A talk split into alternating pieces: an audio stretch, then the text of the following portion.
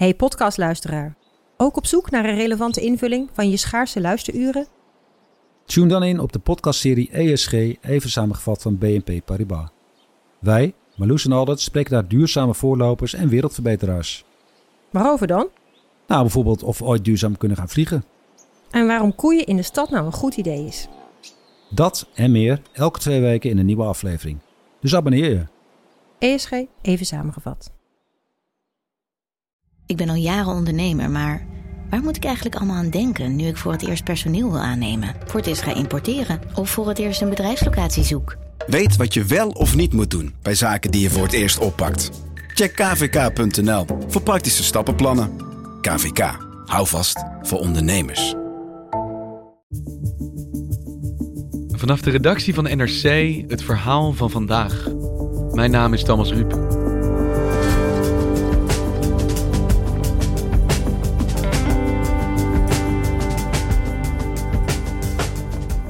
Het is vandaag precies twee jaar geleden dat in Londen de Grenfell Tower afbrandde. 72 mensen kwamen in de vuurzee om. Een wake-up call, dacht correspondent Melle Garschagen. Het gevolg van structureel sociaal wanbeleid. Maar twee jaar later zijn de problemen in het Verenigd Koninkrijk alleen maar gegroeid.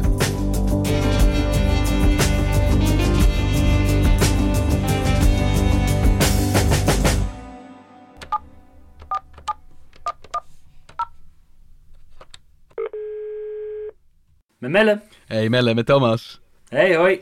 Hey, heb je nu even tijd voor ons? Ja, zeker, altijd. Heel fijn.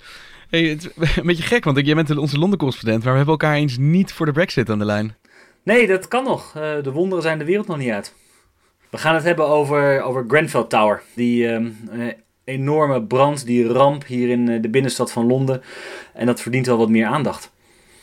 Kijk, toen ik daar stond, twee jaar geleden, op die hete lentedag, dacht ik, dit, dit wordt een heel groot verhaal van mijn correspondentschap. Dit gaat echt het, het land veranderen. En eigenlijk is dat helemaal niet gebeurd. Fire Brigade. Yeah, hello, hi, in the fire, flat 16 Greenfield Tower. Sorry, a fire where? Uh, fl- Flat 16 Greenfield Tower. The fire brigade are on their way. Are you outside? Yeah, yeah, I'm outside. Yeah, well the fire engines are on their way. Just tell me how many floors you got there. It- It's, it's the fourth floor. Right, okay. quick, quick, quick, quick. They're on their It's way burning. already. Yes, I know it's burning, but they are on their way. You've only just called, as long as you're okay. Yeah? Okay. Ik weet nog zelf heel goed eh, dat ik daar, eh, zoals het gaat, eh, je krijgt allemaal nieuwsalertjes binnen, soms al heel vroeg. Grote, grote brand in het centrum van Londen. Nou ja, er zijn hier wel vaker branden, dus ik keek het even aan. En ja, heel snel was duidelijk dat het zo'n grote fik was. Dus ik op mijn fiets er naartoe. Wow. It's gonna go right to the top of that building, isn't it? En je zag het al van een paar kilometer afstand, de rook en de vlammen. Eh, en het was echt zo goed mis. That's going, they need to get up there, that's what's going on. fucking hell, fire and that's getting bigger and bigger. People are gonna die and I'm scared. En ik heb daar de hele dag nou, rondgehangen. Eh, We werden steeds verder, eh, eh, moesten steeds verder weg gaan staan. Man, you see that shit fall off? Please look back, everybody. It's not gonna fall down, man. En we wisten gewoon, wij zijn nu aan het kijken naar mensen die aan het, aan het overlijden zijn, aan het doodgaan zijn. The one image which sticks in my mind was seeing a family waving what appeared to be a towel for around an hour, and there was a helicopter coming about 400 meters from uh, their window and then turning around. And for me, the thing that I took from this was how um, agonizing must that have been for that family when they were, you know, we watched them stop moving from the street. Toen ik s s'avonds weer thuis was, zat ik achter mijn computer en ik, stonk naar rook. Ik had een, een schorre stem van, eh, van alle asdeeltjes en eh, nou ja, ook dampen die iedereen inademde. En ik dacht, dit is echt zo'n zo'n kantelpunt in het land. Hier ga ik nog heel veel over schrijven, hier gaan we nog heel veel over horen. 72 doden in een West-Europees land, in een van de rijkste steden ter wereld. Maar ja, dat werd eigenlijk een verhaal dat amper verteld werd.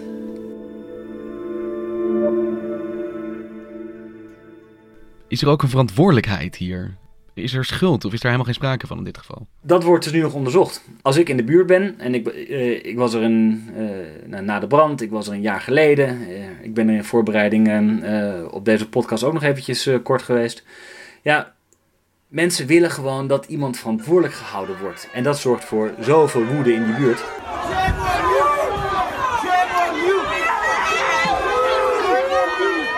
This was the scene inside Kensington Town Hall as police struggled to keep out protesters. The initial shock at what happened at Grenfell Tower has been replaced by a palpable sense of anger. People want answers and they want information.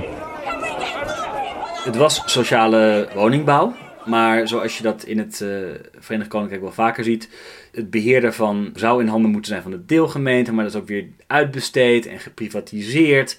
Dus het is niet de staat die zorgt voor de sociaal zwakste. En dat zou de insteek moeten zijn van, van sociale woningbouw. Maar daar zijn ze hier inmiddels al, al erg van verwijderd.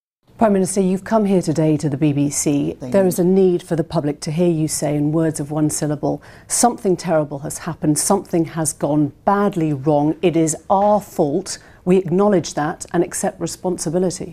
En juist omdat het ook bedrijven waren die een, die een winstoogmerk hadden, zag je juist dat er erg beknibbeld werd op allerlei diensten en, en materialen. Um, de isolatielaag die ze gebruikten uh, was dus niet brandwerend, maar was wel heel erg goedkoop. Um, er was geen sprinklersysteem, want ja, dat kost geld. Dus eigenlijk ben je, in plaats van je, je sociaal zwakste te beschermen, ben je bezig ze te zien als, ja, als winstmodel.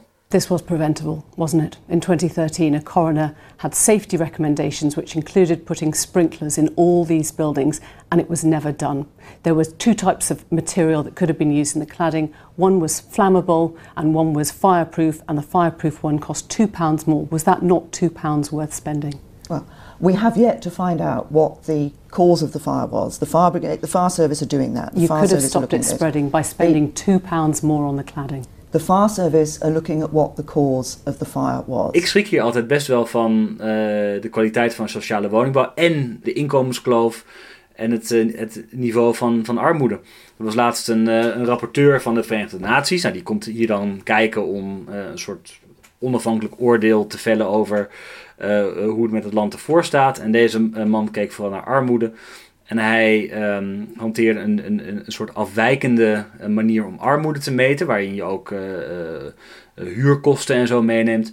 En hij kwam echt tot de schrikbarende conclusie dat 1 op de 5 Britten voldoet aan die definitie van armoede. Poverty is really a major challenge in the United Kingdom, and not nearly enough is currently being done to address the challenges.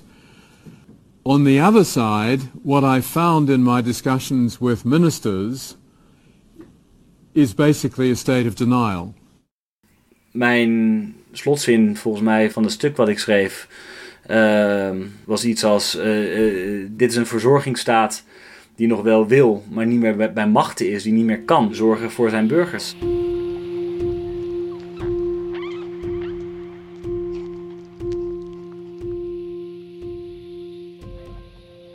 Is dat gekomen? Wat is daar de oorzaak van? Als je teruggaat naar het, naar het einde van, uh, van de Tweede Wereldoorlog. Het Verenigd Koninkrijk moest toen ook weer opnieuw opbouwen. En toen werd gezegd, we moeten echt een einde maken aan armoede. We moeten zorgen dat iedereen uh, onderwijs kan genieten. We moeten zorgen dat iedereen genoeg eten heeft. We moeten uh, zorgen dat iedereen een baan heeft. En we moeten zorgen dat iedereen toegang heeft tot gezondheidszorg. Nou, dat is toen uh, onder een uh, linkse regering, uh, Labour-regering van premier Clement Attlee is dat opgezet, is dat begonnen. The crucial question of this election. What kind of society do you want? Well, we know the kind of society we want. We want a society of free men and women, free from poverty, free from fear. En wat je eigenlijk ziet, uh, dat komt op. En dat wordt daarna ook weer deels afgebouwd. En een belangrijk kantelmoment was uh, Margaret Thatcher, die werd, die werd premier. en zij zei, ja, we moeten eigenlijk onze economie moeten we, opnieuw inrichten. het, gaat niet, het gaat economisch slecht met, met Verenigd Koninkrijk. En zij is toen begonnen aan een, aan een grote golf aan hervormingen en privatiseringen. From France to the Philippines, from Jamaica to Japan. From Malaysia to Mexico, from Sri Lanka to Singapore, privatization is on the move. Eigenlijk zijn een groot deel van uh, wat is opgebouwd om te zorgen uh, voor de Britten, is toen ook weer in private handen gekomen. En uh, woningbouw, sociale woningbouw, is, is daar één van. Um, maar ik merk hier aan alles dat het een, een, een harde maatschappij is. Het is een maatschappij met een, een minder groot sociaal vangnet dan Nederland. Want is dat een onbedoeld gevolg van die privatisering? Of werd er gewoon gezegd, wij gaan onze maatschappij anders inrichten? We gaan minder op verzorging gericht zijn? Nou, ik denk dat hier uh, wel een fundamenteel andere opvatting is over wat de rol van de staat moet zijn. Natuurlijk niet bij Labour en, en zeker niet bij de linker, linkerkant van Labour. Um, maar die uh, hebben doorgaans uh, niet voor het zeggen in het land. de laatste Labour-premier Tony Blair was veel meer een centrist, die juist vooral wel marktwerking wilde.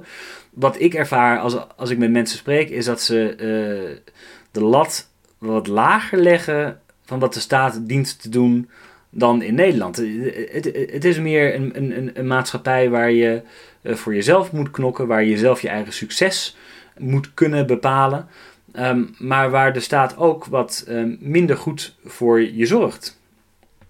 En die verandering is eigenlijk ingezet dus onder Thatcher, dus dan denk ik eind jaren 80 ongeveer. Want hoe heeft dat zich de laatste jaren ontwikkeld? Kijk, je moet niet vergeten, je had hier in 2008 de bankencrisis. Overheidstekorten liepen op. Uh, er moest flink gesaneerd worden in de overheidsuitgaven. Dat heet hier het, uh, het beleid van uh, austerity. Dus je gaat hard bezuinigen en je gaat minder uitgeven.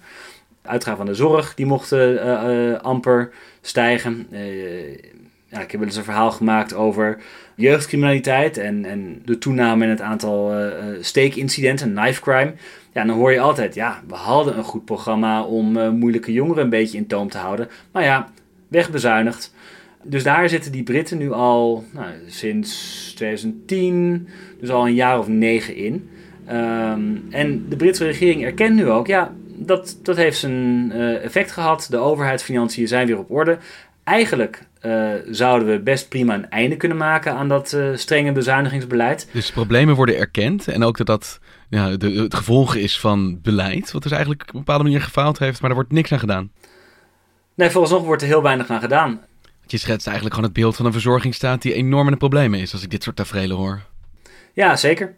Het, het verbaast mij altijd als ik hier nou, op de snelweg rijd, hoe slecht het wegdek is als ik bij de huisarts ben, wat voor een chaos het is. Aan de ene kant is hier inderdaad een, fundamenteel andere uh, denkwijze erover. Aan de andere kant merk je dat uh, het politieke beleid van de afgelopen uh, negen jaar erin hakt. Theresa May, die de afgelopen drie jaar premier was, ja, die wilde wel verandering. Zij was een andere soort conservatieve premier dan haar voorgangers. Zij zag wel een grotere rol voor de staat in het dagelijks leven van, van Britten. Maar ja, haar hele premierschap werd gedomineerd tot het ene onderwerp, de Brexit. Dus er was geen ruimte om die andere problemen aan te pakken, omdat alles hierover ging? Ja, geen ruimte om, om het aan te pakken en ook geen ruimte om, om bij te sturen. Ik sprak deze week met een, uh, een lagerhuislid die erg begaan is met gezondheidszorg. Zij is zelf lang uh, arts geweest, uh, nu de politiek in. En zij had zoveel voorbeelden van misstanden in de gezondheidszorg. Ehm, en ik zei van ja, maar waarom doen jullie daar niks aan? Ik dit, dit, dit, dit, dit is vast breed gedragen. Je kan hier in ieder geval een, stevige politieke discussie over hebben of eh, wetsvoorstellen indienen.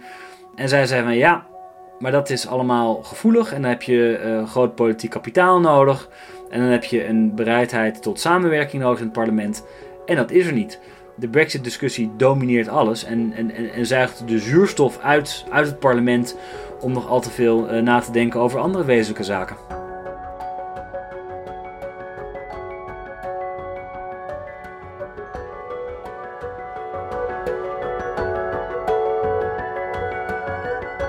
En je zegt die Grenfell Tower, nu twee jaar geleden was daar eigenlijk een soort brandend symbool van. Want heeft dat dan nog iets veranderd? Ja en nee. Aan de, aan de, aan de ene kant wel. Ehm, en je merkt ook dat de overheid wel, wel dingen anders heeft gedaan. Ja, het, het isolatiemateriaal uh, dat bij Grenfell Tower is gebruikt, dat mag niet meer gebruikt worden. Er zijn nieuwe regels uh, hoe je om moet gaan met uh, verbouwingen van hoge torenflats. De, de meest directe aanpassingen, die hebben wel plaatsgevonden. Maar een, een, een wat groter, grotere aanpak, een bredere aanpak of een wat substantiëlere discussie over uh, hoe moeten wij zorgen voor onze sociaal zwakkeren? Wat voor sociaal woningbeleid dienen wij te voeren? hoe moet de staat zorgen voor zijn burgers? Ja, dat, ik had verwacht toen ik daar op straat stond en de woede proefde van, van de buurt, dat dat op gang zou komen. Maar dat is amper, amper gebeurd. Hey, we zijn net al even grappend van leuk om elkaar over iets anders een keer te spreken dan de Brexit. Maar in hoeverre ben jij in staat om daar de verhalen te maken die je belangrijk vindt? Of ben jij ook op een manier gegijzeld door die Brexit nu, als journalist? Nou ja, zeker. Eh, ik, uh, ik dacht toen ik twee jaar geleden voor Grenfell Tower stond, hier ga ik tientallen verhalen over maken. Uh, ik had een idee om, om, om elke maand uh, minimaal twee of drie dagen uh, in de buurt rond te lopen, een netwerk op te bouwen en daar een, een, een fantastische long read in de weekendkant eens een keer voor te maken. Maar dat, ja, dat is er gewoon niet van gekomen. Dus ik vind zelf ook dat, dat ik er te weinig aandacht voor heb. Dankjewel Melle. Ja, altijd. Graag gedaan. Je luisterde naar vandaag, een podcast van NRC. Eén verhaal, elke dag. Vandaag wordt gemaakt door Mirjam van Zuidam, Henk Ruigrok van der Werven, Ido Haviga, Tessa Kolen, Julie Blusset, Jan-Paul de Bond en Ruben Pest. De muziek die je hoort is van Rufus van Baardwijk. Dit was vandaag, maandag weer.